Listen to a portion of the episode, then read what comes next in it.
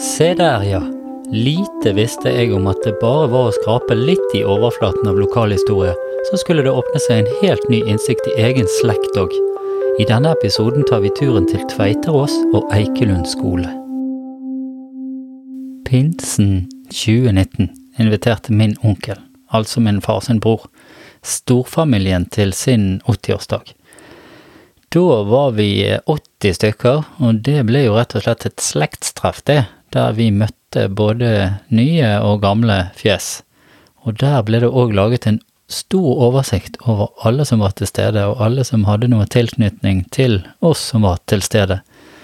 Og i etterkant av dette treffet så ble det laget en slektsbok om familien, og første del med fokus på farssiden, altså min farfars side av familien, og så nå i år kom morssiden.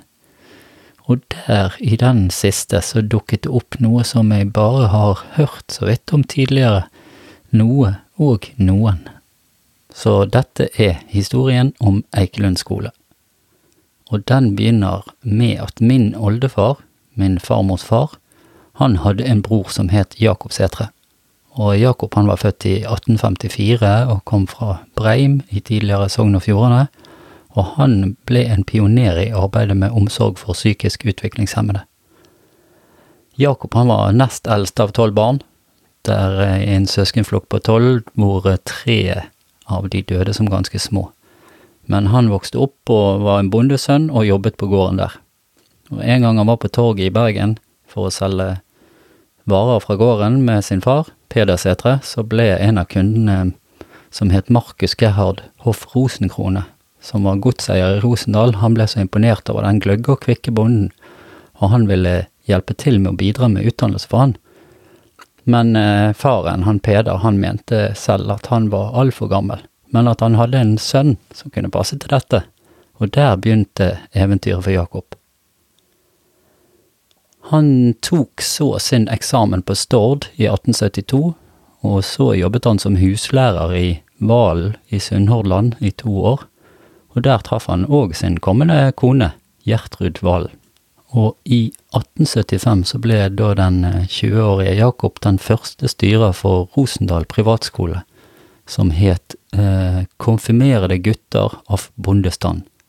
Og det var en stor jobb for en relativt ung mann, og etter to år så sa han opp og flyttet tilbake til Breim. Han var da ganske overarbeidet, for å si det pent. Men godseier Hoff Rosenkrone han ville likevel hjelpe Jakob, og han oppmuntret han til å studere videre, og hjalp òg med å skaffe han stipender. Så dro Jakob til Gainsford Academy i Storbritannia i 1877, og der lærte han seg engelsk i 1877 og 78. Der fikk han òg interesse for utdanningstilbudet til psykisk utviklingshemmede, og han gjennomførte mange intense studier og nå med offentlige stipender så var han i England og Skottland og Tyskland og Sverige og Danmark og Norge. Og på slutten så var han visst så pengelens at han måtte gå på beina fra Uddevalla til Sarpsborg.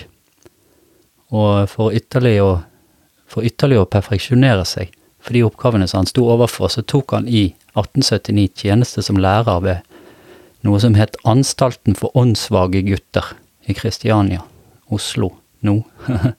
og ble der i tre år. Så, i 1881, så vedtok Stortinget en ny lov om abnormskoler, og Jakob Sætre han fant grunnlag for å starte sin egen spesialskole på Vestlandet. Og med sin sterke hustru Gjertrud ved sin side, og med støtte og lån fra Stortinget og Søndre og Nordre Bergenhus amt, så startet de i 19, beklager, 1882 Jakob Setres Institutt for åndssvake børn på Damsgård i Bergen. Laksevåg der, altså. I 1884 så kjøpte han gårdsbruket Ekelund, som det da het, på Tveiterås. Og her bygde han en skole- og internatbygning for 100 elever, og det sto ferdig i 1887. 27. mai det året så ble det innvidd av selveste biskop Valdemar Vosleff. Og med tilbygg så fikk skolen etter hvert plass til 130 elever. Dette var stort, altså.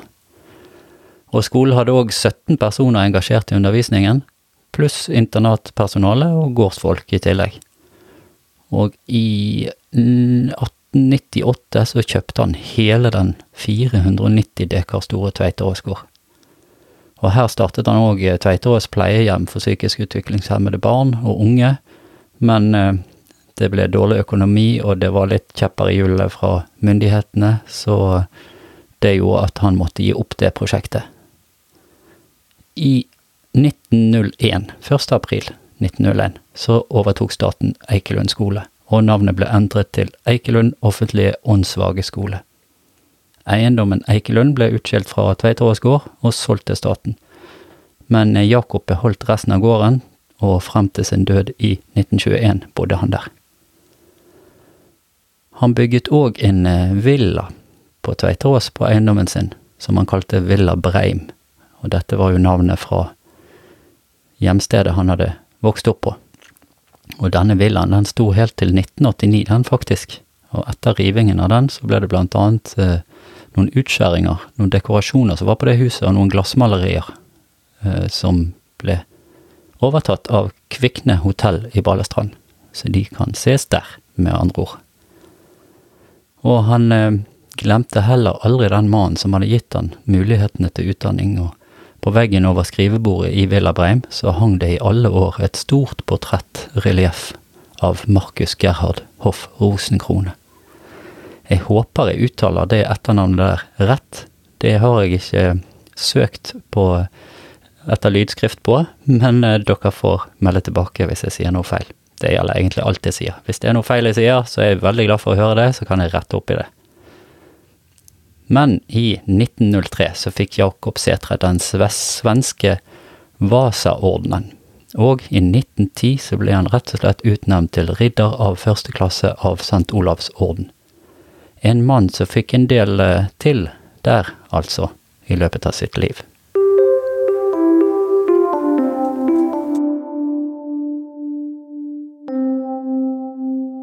Så kommer turen til min oldefar.